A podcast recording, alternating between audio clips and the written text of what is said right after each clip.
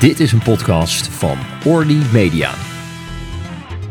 Welkom bij de Podcast, de orthopedische podcast waar wij voor jou tot op het bot gaan.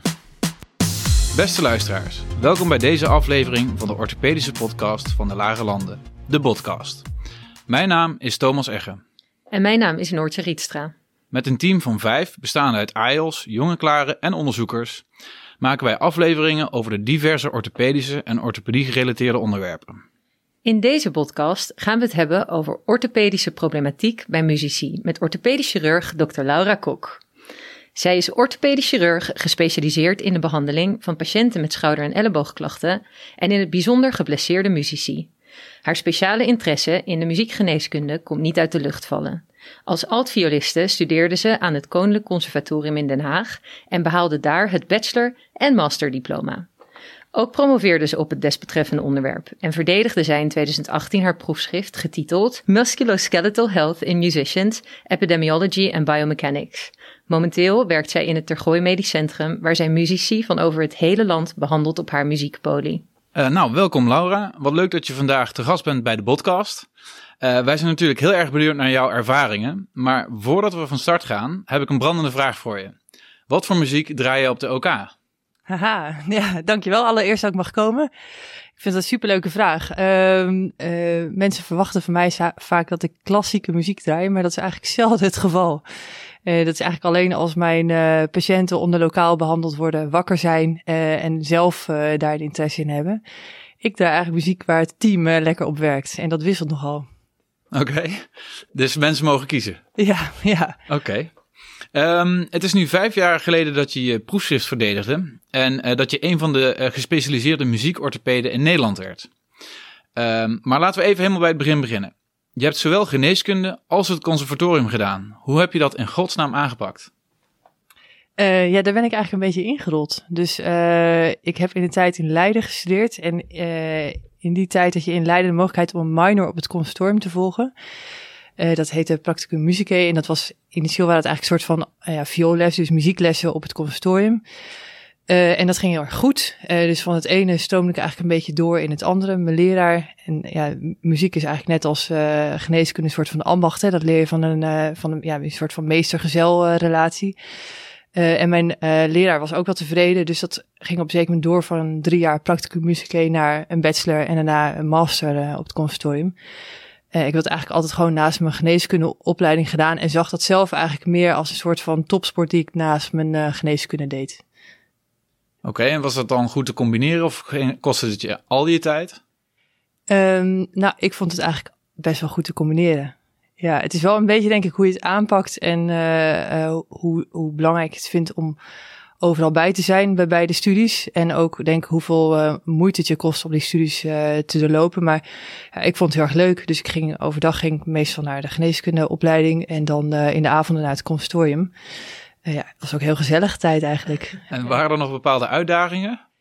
Um, nou, de grootste uitdaging zat er eigenlijk in dat uh, ik speelde jaarlang in het uh, European Union Youth Orchestra. En dat is een orkest dat gaat uh, een paar maanden per jaar op tournee. En een groot deel van die tournees in de zomervakantie. Dat viel natuurlijk ook in de vakantie van de universiteit. maar er was ook een lentetournee die daar aan vast zat.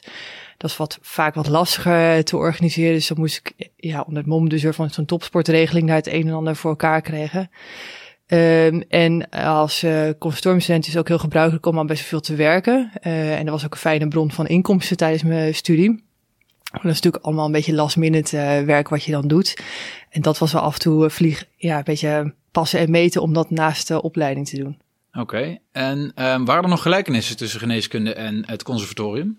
Uh, ja, heel veel eigenlijk. Uh, er zijn allebei best wel gemotiveerde studentengroepen. Hè?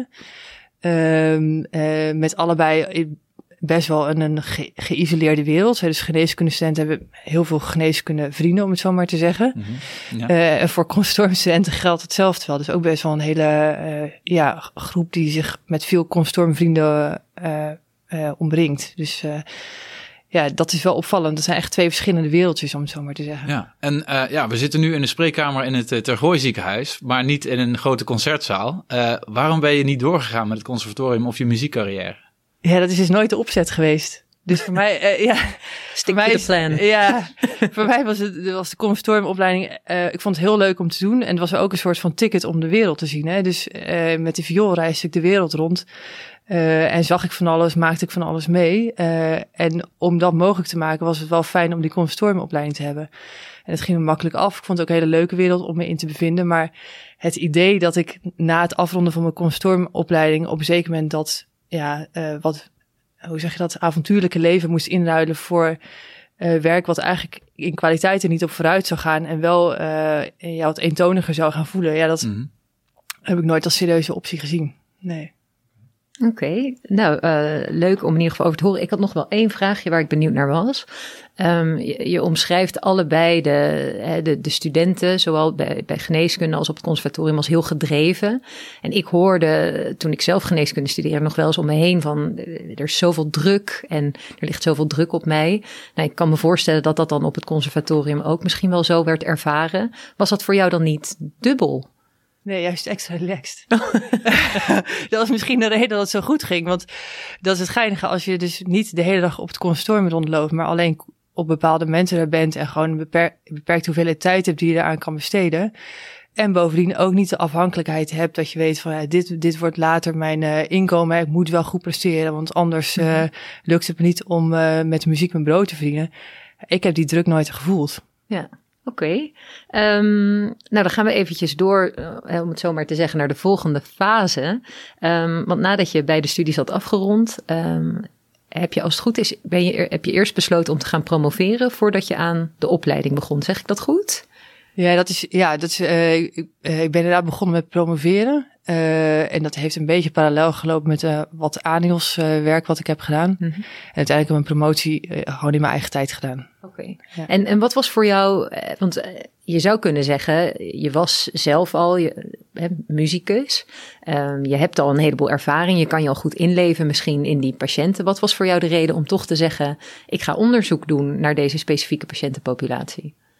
Nou, ik besef nu wel dat als je orthopeed wil worden, dat je dan wel met iets meer dan uh, ja, uh, op je sollicitatie moet komen dan alleen klinische ervaring. Uh, bij mij begon mijn onderzoek eigenlijk als afstudeerde scriptie aan het uh, dus ik had wel wat onderzoek gedaan bij de orthopedie. Ik wist al wel dat ik orthopedie heel erg leuk vond.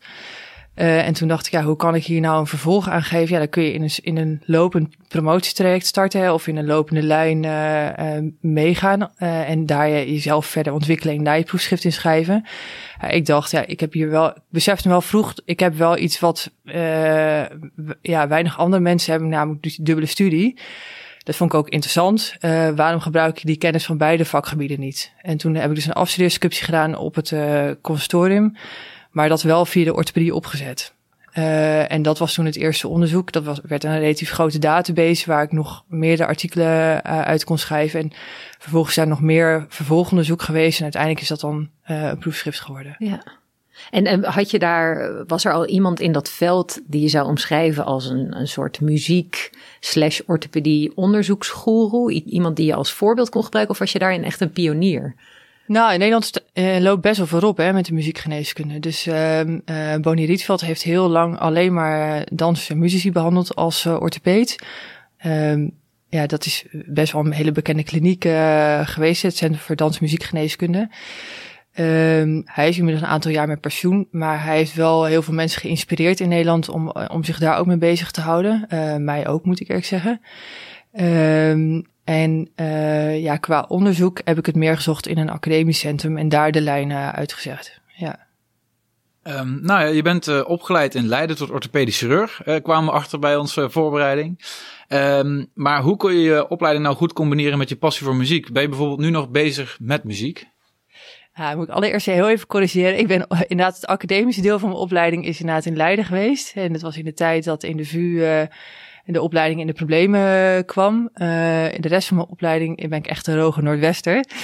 Uh, dus ik heb heel veel van mijn opleiding in Spaarne gedaan en in uh, Alkmaar. Tijdens mijn opleiding heb ik niet zo heel veel meer gespeeld. Want in het begin heb je nog heel veel, ja, we noemen dat snabbels in de muziek. Dus heel veel werk waar je dan last minute voor wordt gebeld. Hè. Wil je invallen in theatertour? Of ja, in mijn geval vloog ik regelmatig naar Tenerife om daar in het orkest te spelen. Dat gaat niet meer. Hè? Dus dat kan wel tijdens de kooschappen kun je daar een beetje mee sjoemelen. Maar als je eenmaal werkt, dan uh, ja, die, je werk gaat als, zeg maar, als uh, assistent orthopedie gaat boven het last minute werk van de muzikant. Dus dat hield uh, een beetje op. Uh, nu speel ik nog wel eens, maar echt op een ander niveau. Dus ik speel niet dagelijks thuis. Ik speel alleen voor de lol nog. En dan met name met mensen die ook Constorm hebben gedaan en daarna iets anders zijn gaan doen. Oké. Okay. Ik geef nog wel eens optredens, maar dat is echt niet meer het niveau wat ik had als toen ik studeerde. Vind je dat jammer? Nee.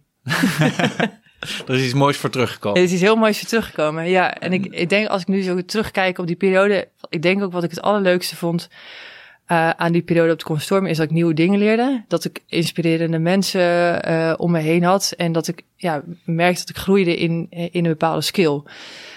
Uh, ja, nu is die skill kan ik niet goed onderhouden. Daar is gewoon geen tijd voor naast mijn werk als orthopeed. en haal ik weer heel veel energie uit op een andere manier mezelf ontwikkelen. Hm, en over die ontwikkeling gesproken, um, hoe heb je tijdens je opleiding eigenlijk uh, richting gegeven in de orthopedie die je nu bent? Zeg maar een beetje richting de muziekorthopedie. Nou, ik had geluk dat ik in Spaarne laatst heel veel mijn opleiding deed. dat ik net mijn promotie afgemaakt. En toen zat ik met mijn opleider Arthur van Noord om tafel. Dus ik, nou, nu afgemaakt, maar eigenlijk wil ik wel een klinisch vervolg eraan geven. En Arthur is een fantastische opleider. En die zei, kom, we gaan, gewoon, uh, we gaan het gewoon opzetten. En die, samen met hem hebben die muziekpolie in Spaarne opgezet. En dat was eigenlijk de voorloper van de muziekpolie die ik hier nu in te gooien heb. Ja, want dat, dat wilde ik eigenlijk ja. uh, precies nu vragen. We zijn natuurlijk vandaag in dit splinternieuwe ziekenhuis. Het is uh, nou, geweldig om dit zo te zien en om mooi, rond te lopen. Ja, het is echt heel erg mooi. Um, wat ik was eigenlijk ook wel benieuwd uh, waarom je de muziekpolie eigenlijk hier nu hebt opgezet in, in het Tergooi. Het is natuurlijk spiksplinter nieuw hier en het is hier prachtig. Dus dat is een zeer voor de hand liggende reden. Uh, maar eigenlijk is dat dus al begonnen in het Spaarne. Ja, zeker. Ja, en dat is aan het eind van mijn opleiding uh, heb ik dat gedaan. En tijdens, mijn fellowship, wat ik daar heb gedaan, heb ik dat ook doorgezet. Uh, ja, dat waren eigenlijk de eerste stappen in het, in het naar mijn uh, smaak inrichten van die muziekpolie. En uh, ook wel heel essentieel, denk ik, in uh, mijn carrière. Nou, superleuk nou, um, om te horen. Ik denk dat het uh, goed is als we wat meer de diepte ingaan in wat voor patiënten je precies behandelt. Ja, um, nou ja, zoals al gezegd, we hebben een klein beetje huiswerk gedaan. Ik kwam er bijvoorbeeld achter dat volgens het Metropole Orkest er meer dan 2 miljoen amateurmuzici in Nederland zijn waarvan er 114.000 uh, spelen in een harmonie van varen of brassband. En even ter vergelijking, uh, de KNVB, de Koninklijke Voetbalbond, heeft tijdens het voetbalseizoen 21-22 een telling verricht met in totaal 1,2 miljoen leden. En over het seizoen 21-22 bij de Koninklijke Hockeybond waren er 265.000 leden. Dat zijn superveel potentiële patiënten voor de muziekpolie. Uh, maar hoe kan het dat er maar vijf muziekspreekuren in Nederland zijn? Goeie vraag, hè? Ja, daar is heel leuk dat jullie hier nu zitten. Ik denk dat er heel veel muzici worden behandeld door mensen die niet speciale interesse in uh, muzikant hebben. Eigenlijk een beetje de status hoe dat was met de sportorthopedie uh, uh, tientallen jaren geleden. Oké, en, en hoe groot is het probleem voor de muzici in Nederland dan? Ja, super groot. Ja, ja, dus dat is een beetje een deel van mijn proefschrift. Hè. Als je dan kijkt naar um, uh, hoeveel klachten komen ervoor, nou, dan heb je het over de professionele muzici. Zie je dat 90% van de professionele muzici heeft in het afgelopen jaar musculoskeletale klachten gehad. Ja, een deel zijn pijntjes uh, die weer overgaan, pijntje hier, pijntje daar. En de helft ervan zijn serieuzere pijntjes. En daarvan zie je dat de meeste mensen ook uh, uh, medische hulpverleners bezoeken. Of een fysio, of een huisarts, of een orthopeed, of een neuroloog. dus dat is best wel een grote groep. Ja, maar ja. zijn er dan ook lange wachttijden? Nou, uh, kijk, dus verreweg de meeste muzici zie ik niet, hè. Dus ik weet dat er, dat als je, dat er veel meer muzici zijn die überhaupt nooit op een muziekpolie terechtkomen. Bij mezelf heb ik het zo geregeld dat uh, als er professionele muzici zijn uh, die een probleem hebben wat daadwerkelijk spelen beïnvloedt en die, waar gewoon snel hulp voor nodig is, en dan lever ik dezelfde topzorg daarvoor en daar hoort ook een korte wachttijd bij, zoals je dat aan topsporters zou leveren. Hmm, Oké. En uh, ja, binnen die vijf uh, muziekspreekuren verwijzen jullie ook wel eens naar elkaar? Ja, heel veel. Want uh, eigenlijk is het spreekuur dat we in te gooien hebben, is dus een orthopedisch uh, spreekuur.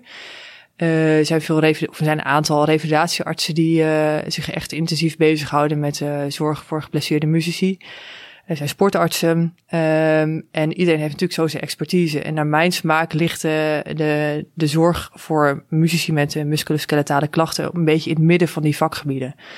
Uh, en ja, als er een muzikus is met echt een pijnprobleem, uh, wat complex is, um, uh, waar ik als orthopeet een beperkte bijdrage aan kan leveren. Natuurlijk vraag ik mijn collega's van de revalidatie die veel muzici behandelen om dat samen met mij te doen of dat over te nemen. En bestaat er dan ook zoiets als een MDO voor muziekproblemen? Uh, nou, dat gaat vrij informeel nog. Uh, het zijn wel hele korte lijntjes. De mensen die veel muzici behandelen kennen elkaar allemaal vrij goed.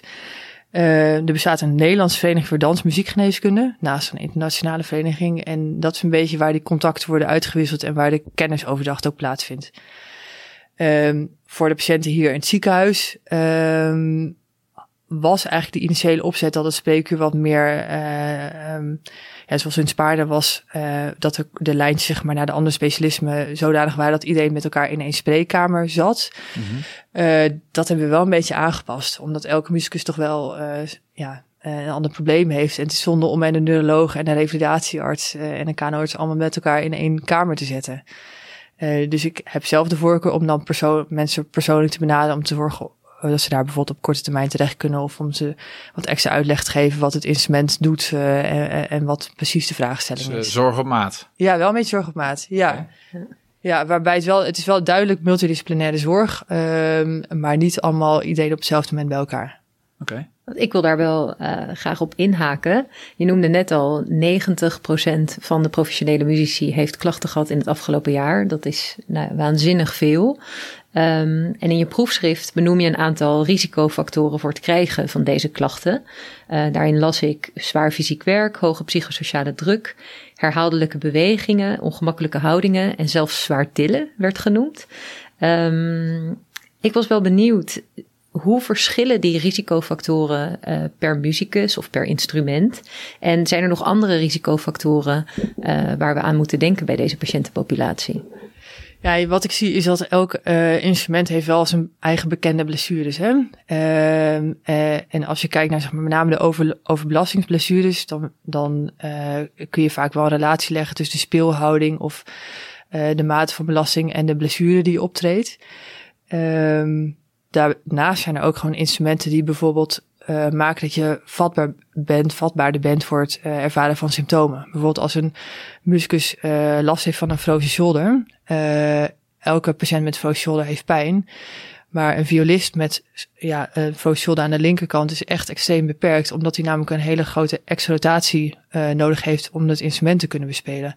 En dat maakt bijvoorbeeld dat een fase 2 of 3 frozen shoulder, dus een frozen shoulder die, waarbij de pijn eigenlijk uh, aan het verdwijnen is en waar met name de beperking nog een rol speelt, ja, wat anders uh, behandeld ook wordt of een ander traject nodig heeft dan iemand die um, ja, geen viool speelt, om het zo maar te zeggen. Ik ben dan eigenlijk wel heel benieuwd. Um, ik ben zelf anios geweest in een perifere kliniek. Um, ik heb daar heel veel frozen shoulders gezien. Um, en ik merkte toen al uh, hoe mensen daarmee omgaan. Dat verschilde eigenlijk een beetje van de, ja, afhankelijk van de supervisor die je die dag had. Sommige mensen zeiden geef er een prik in. Andere mensen zeiden je kan er niks aan doen. Je moet, uh, je moet er gewoon toch eventjes, moet je dat even aankijken. Hoe zou je een violist in zo'n fase 2 of 3 uh, frozen shoulder dan behandelen? Ja, dat is ook heel erg afhankelijk van de persoon van de, van de muzikus hè, die voor je zit. En dat hangt ook heel erg van af hoe het werk bijvoorbeeld vormgegeven is. Als een uh, muzikus wat voorzichtig is, risicomijdend en heeft een baan in een orkest uh, waar die gewoon uh, ziek kan zijn en geen verlies aan inkomsten heeft, dan ben ik geneigd om een wat afwachtender beleid te voeren. Maar stel dat iemand nou ZZP'er is, hij kan dan een half jaar niet spelen. Uh, het moet nu echt gaan gebeuren, anders gaat hij financieel uh, ten onder, kopje onder. Geeft ook nog een keer extra stress en extra klachten van de frozen shoulder. Ja, dat is wel een groep die, uh, die gebaat is bijvoorbeeld bij een operatieve behandeling daarvan. dus, en, maakt dat dan uit voor de uitkomst? als je die twee patiënten bijvoorbeeld naast elkaar legt? Nou, ik ben er wel van overtuigd dat die stress die mensen ervaren ontzettend veel uitmaakt voor de uitkomsten.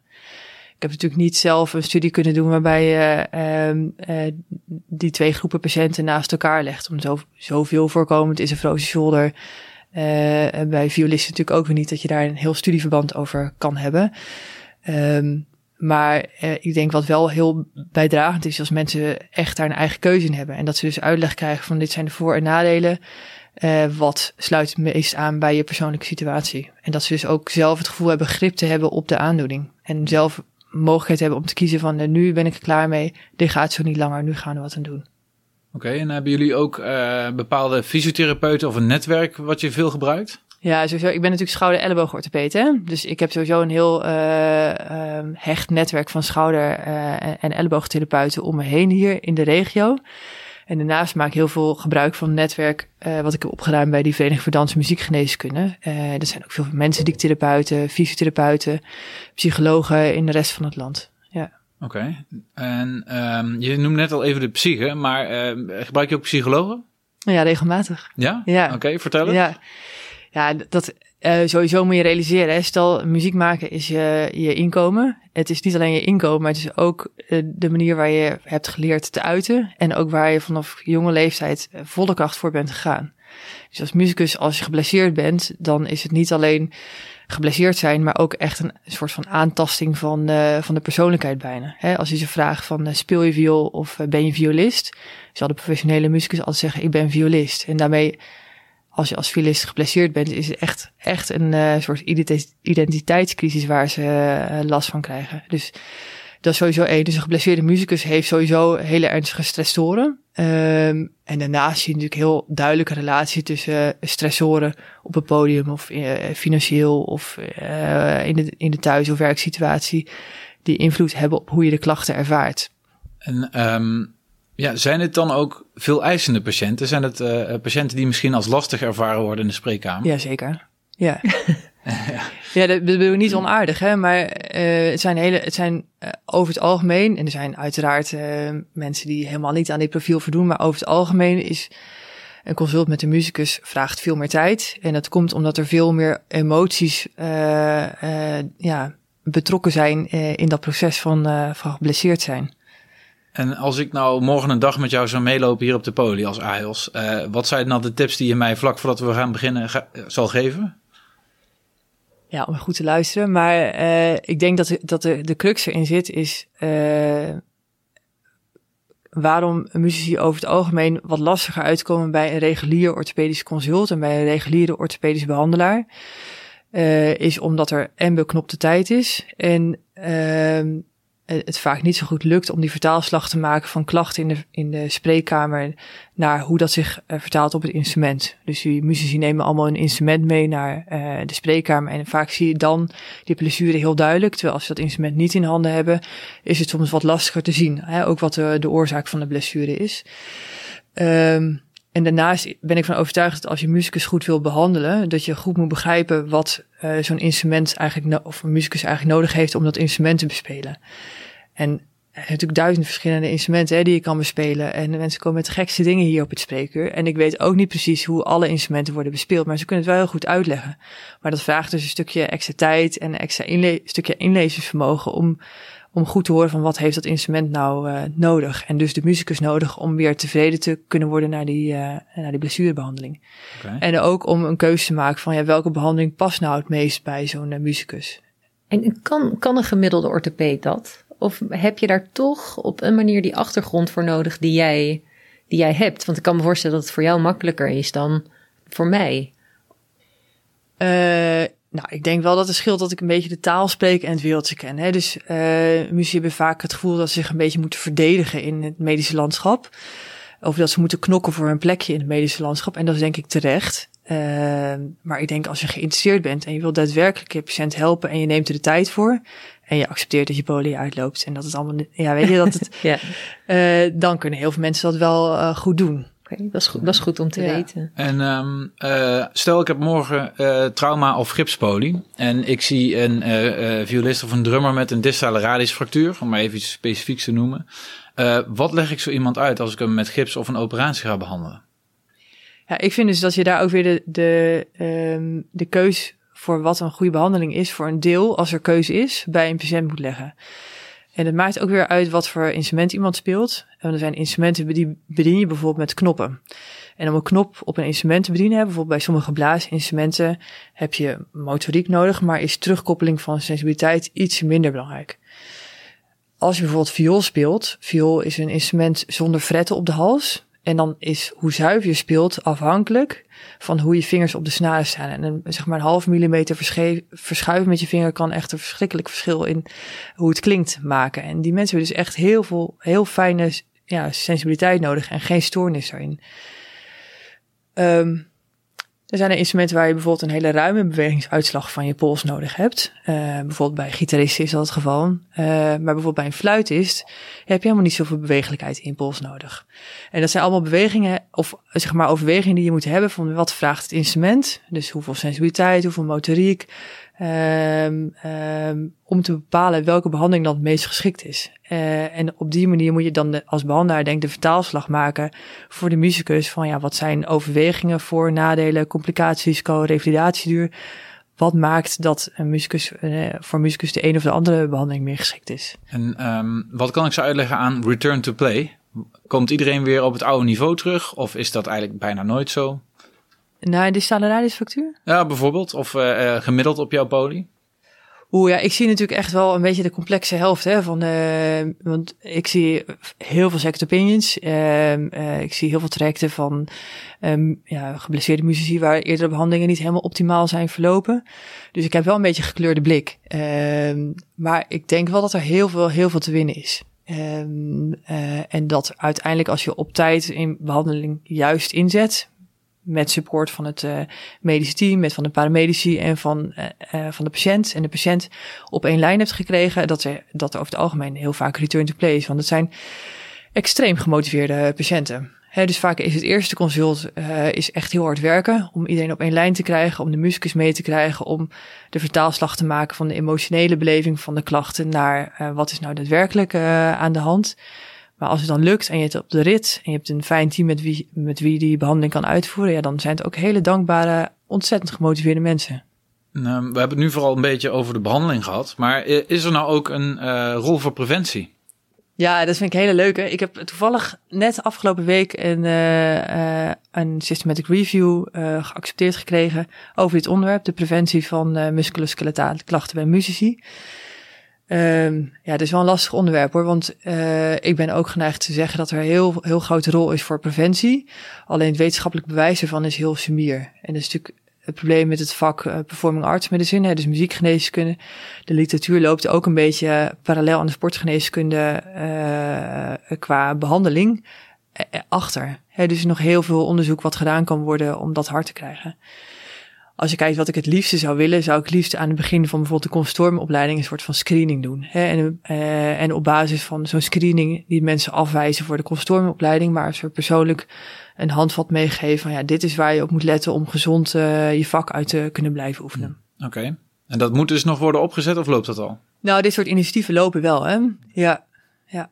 Nou ja, dat is een mooi bruggetje naar het volgende, want in de conclusie van je proefschrift noem je dat je een grote leap forward observeerde tijdens het schrijven van je boekje, uh, dankzij meer onderzoek naar musculoskeletale klachten bij muzici, uh, maar ook meer implementatie bij de muziekacademies. Uh, heeft deze trend zich voortgezet en waar, gaan we eigenlijk, waar staan we en waar gaan we eigenlijk naartoe? Ja, absoluut. Uh, dus er is wel echt een omslag gaande op de muziekopleiding en de muziekinstituten. Toen ik zelf op het conservatorium zat, moet je je voorstellen, was er gewoon eigenlijk praktisch niks. Uh, dus als je dan geblesseerd raakte, dan moest je zelf je weg in het zorglandschap vinden. Uh, en er zomen dus nog steeds heel veel mensen uit met gezondheidsklachten. Nu zijn de meeste consultoria hebben een, ja, een vak uh, wat, wat gaat over gezond musiceren of over ja, blik op de toekomst. hoe ga je om met klachten of met stressoren. Gehoorbescherming is ook zoiets. Dat was tien jaar geleden was het eigenlijk een beetje een no-go. En toen ik in het orkest speelde, droeg echt niemand gehoorbescherming. Terwijl als je met je oren recht voor een trompet zit die volle kracht blaast, nou, natuurlijk word je doof. Hey, Zo'n omslag is gaande. En dat is ook, zie je ook terug in de orkest, dat er steeds meer aandacht is voor uh, gezondheid. Maar uh, er is ook wel een hele grote uh, uh, ja, winst nog te boeken. Want wat je nu nog ziet is dat veel leraren zijn nog generatie ouder dan ik uh, ben op het consortium. En ze zijn nog een beetje via de oude school opgeleid. Um, en wat ik eerder al zei, het is echt een ambacht wat je leert. Hè? Dus in de consortiumopleiding, moet je voorstellen, heeft, uh, hebben muzici hebben één uur per week hoofdvakles. Nou, dan leer je dus het instrument bespelen. en daaromheen een heel aantal andere vakken die dan in groepsverband worden gegeven. Maar die, dat hoofdvak, die hoofdvakles die staat nu hiërarchisch ruim boven al, die andere vakken. En dat maakt ook als jouw leraar zegt dat je iets op een bepaalde manier moet doen, uh, dat het op die manier dan gebeurt. Dus als jij een leraar hebt die geen uh, rol ziet voor preventieve maatregelen, geen rol ziet uh, voor ja, uitleg over gezond musiceren of überhaupt een manier weet om met een geblesseerde leerling om te gaan. En dan krijg je dus niet het goede voorbeeld. En is, kan het ook zo zijn dat, dat het advies wat vanuit school wordt gegeven overroeld wordt door die hoofdvakdocent. Hmm. Dus natuurlijk over de komende tien jaar zal het anders zijn. Want dan zie je dus dat, uh, dat daar nog een verschuiving uh, gaat plaatsvinden. En dat zeg maar, die wat ouderwetse groep leraren natuurlijk verdwenen is van de conservatorium. Maar dat is nog wel waar ik nu mee te maken krijg. En dat merk ik ook met muziekpoli. Dat sommige leraren ja, die kunnen heel goed omgaan met geblesseerde leerlingen. En er zijn ook leraren die dan denken, ja, hier kan ik niks mee, dit is niet geschikt, laat me uitzomen uit het conservatorium. En dat is natuurlijk nog steeds zo, net als bij de dansvakopleidingen. Hè. Dat is, het is een selectieprocedure. Dus en de hele tijd vallen de mensen af. En op een zeker moment blijft er een select groepje mensen over wat geschikt is voor het vak. En dan blijven ook continu mensen uitstromen. Uh, vanwege gezondheidsklachten, vanwege financiële aspecten. En op een zeker moment blijft er een klein groepje over. Terwijl als je muziek maakt en je trekt de parallel naar bijvoorbeeld de sport. Ja, muzikus ben je in principe gewoon voor de rest van je carrière. En dan stop je niet op je dertigste mee. Hmm, Oké, ja. En uh, je zei het al, uh, een tienjarenplan. Waar hoop je zelf te staan over tien jaar met de muziekpolie?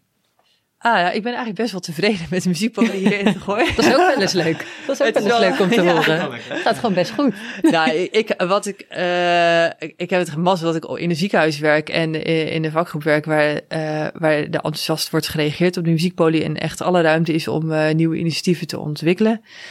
Um, ik hoop wel dat de muziekgeneeskunde uh, mede met mijn input zich uh, wetenschappelijk nog verder op de kaart gaat zetten. En wat ik heel fijn zou vinden is uh, als die ontwikkeling die op de conservatoria gaande is ook uh, voortgezet wordt. Hè? Dus dat het uh, gezond musiceren voor iedereen een normaal onderwerp wordt om over te spreken. Um, en ik zou het wel mooi vinden als, als je ziet dat diezelfde groei eigenlijk wordt doorgezet in het zorglandschap. Hè? Dus dat muzici ook beter hun weg kunnen vinden in de ziekenhuizen of bij behandelaren. En die voelen zich soms een beetje verloren. Hmm. Uh, en, die, en die krijgen natuurlijk niet de zorg die topsporters bijvoorbeeld hebben. En, en daar zou ik me echt wel hard voor willen maken dat dat nog beter geregeld is. Oké. Is, is dat ook de reden dat ze, want dat schrijf je ook in, in je proefschrift, dat ze vaak veel meer zorgverleners bezoeken? Uh, is dat ook gewoon omdat er nog niet een duidelijk pad is? Van je begint hier en dit is het deel van de fysiotherapeut en dit is het deel van de orthopeed of van de revalidatiearts. Is, is dat eigenlijk wat je bedoelt? Dat dat wat, ja, wat duidelijker geplaveid pad moet worden? Ja, je kan je voorstellen, um, als je bijvoorbeeld een, uh, een professionele sportclub hebt, bijvoorbeeld een voetbalteam, uh, of ja, uh, dan zie je dat daar omheen een heel netwerk hangt van zorgverleners. Hè. Er zijn sportarts, er zijn fysiotherapeuten. en als met een van die spelers wat is, dan dragen zij zorg voor een goede gang eigenlijk in het medische circuit. Bij de meeste orkesten ontbreekt dat volledig. dus er is wel een, een bedrijfsarts betrokken, uh, maar is natuurlijk geen behandelaar. Uh, en uh, bij sommige orkesten is er wel een fysiotherapeut die af en toe langskomt. maar er is niemand die echt die muziek onder de hoede neemt en die, en die sturing geeft. Dus er is niet zoiets als een orkestarts die in de coulissen zit en als er iets gebeurt dat je er bovenop zit? Nou, nee, niet, niet vergelijkbaar met uh, hoe het bij de sporters is. Nee. En dus als een orkest op tournee gaat, gaat over het algemeen daar ook geen uh, behandelaar mee. Geen fysiotherapeut, geen arts. Uh, terwijl ze spelen elke avond een concert. Iedereen weet dat op tournee dat je daar geblesseerd raakt. Want dat daar is gewoon een, ja, dat is de meest blessuregevoelige omgeving die je kan hebben. En dat stukje mist vaak. Ja. Hmm, Oké. Dus ja, ik vind het heel leuk om met die orkesten ook om, uh, om tafel te gaan en met de bedrijfsartsen. En dan, uh, en dan te kijken van hoe kunnen we dit stukje nou uh, verbeteren. En ze staan er absoluut open voor. Alleen ja, het verschil tussen sport en de muziek is natuurlijk ook de financiële belangen. Hè? En dat maakt het ook lastig om dit stukje beter te organiseren. Quick for.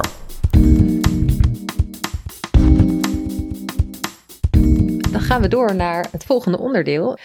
Laura, ik ben heel benieuwd. Wat is jouw favoriete bot en waarom?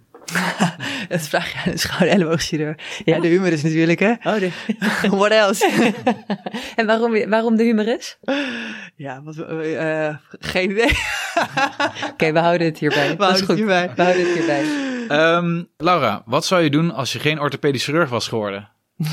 ja, ik denk uh, architect. Uh, iets anders creatiefs, iets uh, beta-achtigs. Ja, okay. ik denk dat ik heel veel dingen heel erg leuk had gevonden. Ja, maar wel de beta-hoek. Wel de beta-hoek, ja. En als je moest kiezen, nooit meer orthopedie of nooit meer muziek? Wat kies je dan? Is alle, allebei een beetje saai, hè?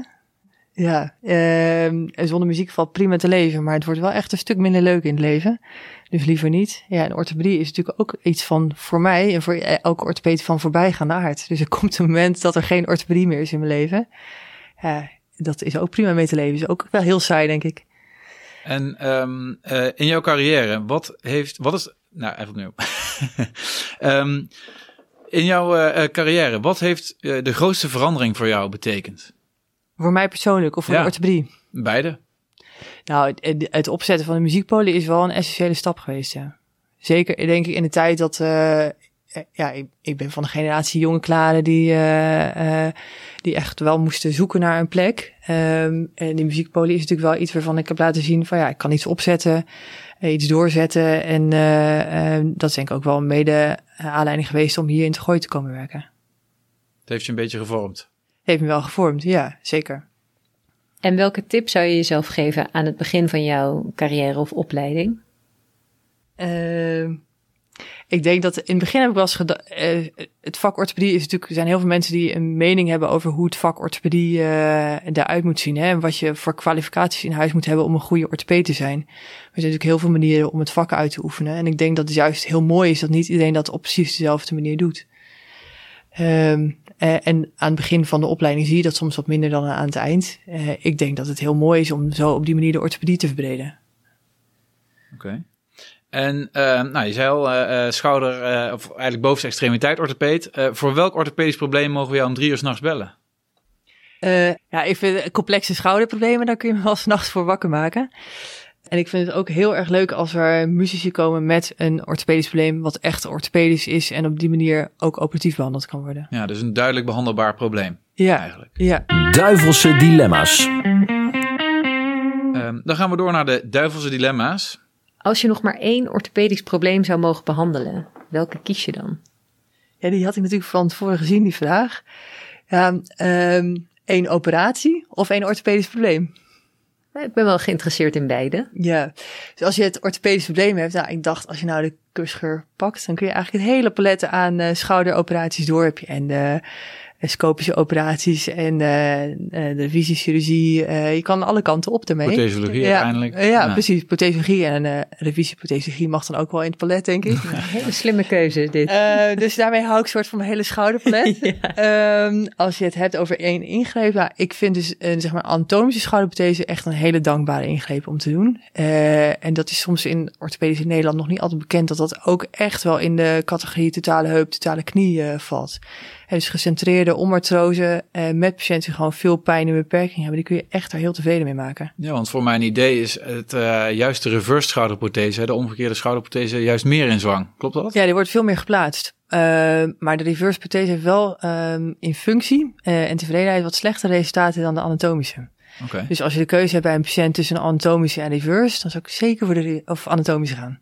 Oké, okay, duidelijk. En is ja. er nog een verschil bij tussen de algemene populatie en de muziekpopulatie? Nou, de muzici? De, um, de muzici die een schouderprothese hebben gehad, kan ik op één hand tellen. Um, dat is vaak echt wel een laat stadium. Hè. De muzici komen ook heel laat pas uh, en met een verzoek om een operatieve behandeling daarvan. Um, met de reverse kun je niet zo heel goed viool spelen. Nee, ja, je exo is natuurlijk heel erg beperkt. Ja. ja. En uh, ja, oké. Okay. Um, als je nog maar één hobby uh, zou mogen hebben, wat zou je dan doen? Hardlopen. Dus geen muziek spelen? Dus geen muziek spelen. Nee. Nee. Ja, dat is eigenlijk mijn grootste hobby op het moment. Dus ik loop echt heel graag hard. Um, en vind ik ook een heerlijke afwisseling met werken in het ziekenhuis. En je woont in het bos, dus je hebt een mooie omgeving uh, om dat te doen. Wat, wat is jouw afstand? Ja, de ultra's. Echt waar? Jij rent ultramarathons? Uh, ja, niet vaak, maar dat is wel iets, dat soort van het jaarlijkse evenement inderdaad. Een mooie en, uitkiezen. En dat is 60 kilometer? Of is het nog verder? Ja, marathon en langer. Dus dit jaar was het uh, 150. Wow. Okay. toevallig bij de Mont Blanc? Of nee, niet? Dat, die staat nog op de, die staat nog op de lijst. De bucketlist, ja. Die staat nog op de lijst, oké. Okay. Um, als mensen nou meer willen weten over wat, jou, wat jij doet, um, hoe kunnen ze dan aan meer informatie komen? Of waar kunnen ze dan terecht? Nou, ik denk dat sowieso um, goed is om even de website van het ziekenhuis te kijken. Er staat een uh, zeg maar los stukje over uh, de muziekpolie. En daaraan zit ook gekoppeld een radio-interview uh, en een krantenartikel. Um, en dat zijn eigenlijk best wel voor patiënten, denk ik, interessante artikelen om te lezen. Dus als je nou een patiënt hebt waarvan je denkt, is dat nou iets om naar de muziekpoli te sturen? Nou, sowieso van al, altijd van harte welkom. Hè. Ik denk heel graag mee. Um, en als die patiënt denkt, dan moet ik daar nou helemaal voor naar Hilversum? En laat gewoon die artikelen lezen. Uh, deze podcast zit er bijna op. Um, als je agenda nu leeg zou zijn, wat zou je dan vandaag doen buiten het ziekenhuis? Uh, een stukje hardlopen en mijn kinderen op tijd ophalen. Mooi. Um, dit was weer een aflevering van de podcast. Bedankt voor het luisteren en tot de volgende keer. Dit was de podcast. Dank voor je aandacht en graag tot de volgende aflevering.